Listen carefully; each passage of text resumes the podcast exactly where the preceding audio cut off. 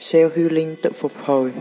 Người trẻ ngày nay bao gồm cả tôi và bạn được bao quanh bởi quá nhiều những thứ giải trí vô bổ. Thật đấy nhé, đủ thứ hết. Từ những show truyền hình tập nhanh được sản xuất mỗi ngày bạn có thể dành cả đời để xem mà vẫn không hết. Đến đủ loại chất gây nghiện vừa tốn kém vừa hạ sức khỏe mà bạn có thể dễ dàng mua được ở khắp nơi trên đường về. Bạn bị cuốn vào Red Race. Bạn sống một cuộc đời from 9 to 5 và chưa bao giờ tự hỏi đâu mới là điểm dừng thật sự. Bạn cũng tá những người gần gũi xung quanh với đầy những thói quen xấu xí và luôn muốn rủ rê bạn nhảy vào. Bạn có một ngày dài mệt mỏi với những lòng vọng nhảm chán và đầu khi về đến căn phòng bừa bộn, bạn đắm chìm vào thế giới giải trí thổ tả, nghiện bon, nút cồn, đốt thuốc. Bạn tích lũy hàng tấn những thứ độc hại và từng phút giây có thể rồi kéo bản thân của những chục ngày dậm chân tại chỗ vào trống rỗng.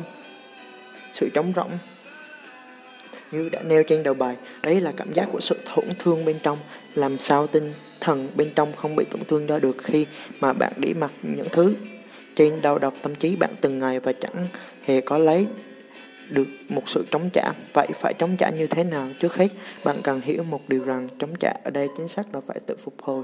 Bạn phải tự phục hồi phần bên trong cùng lúc với việc phục hồi những biểu hiện bên ngoài. Cụ thể khi bạn đọc được bài viết này, nhận ra có vẻ đó đang chạm tới một phần nào cảm giác trống rỗng hiện tại của bạn. Có nghĩa là phần bên trong đang được phục hồi. Bạn phải ngay lập tức cải thiện yếu tố tác động làm tổn thương đến bạn từ bên ngoài. Cụ thể hơn, đây là các list công việc từ dễ đến khó dọn dẹp phòng ốc, trật tự căn phòng. Bạn thể hiện chính xác sự hỗn loạn hay tĩnh lặng bên trong tâm trí bạn.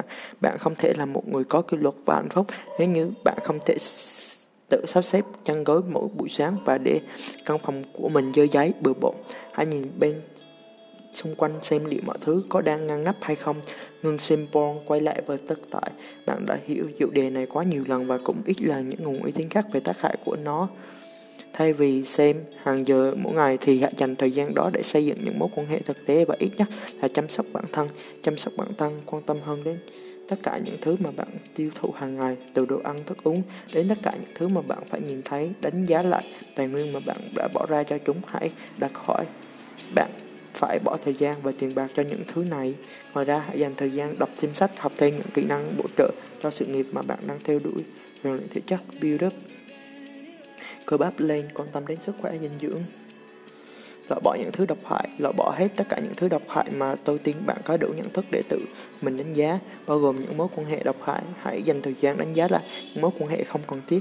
Đừng dành thời gian cho những người không tôn trọng thời gian của bạn. Đừng dành thời gian cho những người quá tiêu cực. Đừng dành thời gian cho những người mà khi ở gần họ cảm thấy khó chịu về bản thân. Tuy nhiên, đừng đánh đồng những người vô tình làm cái tôi của bạn tổn thương, nhưng thật tâm muốn giúp đỡ bạn. Hạ cái tôi mình xuống.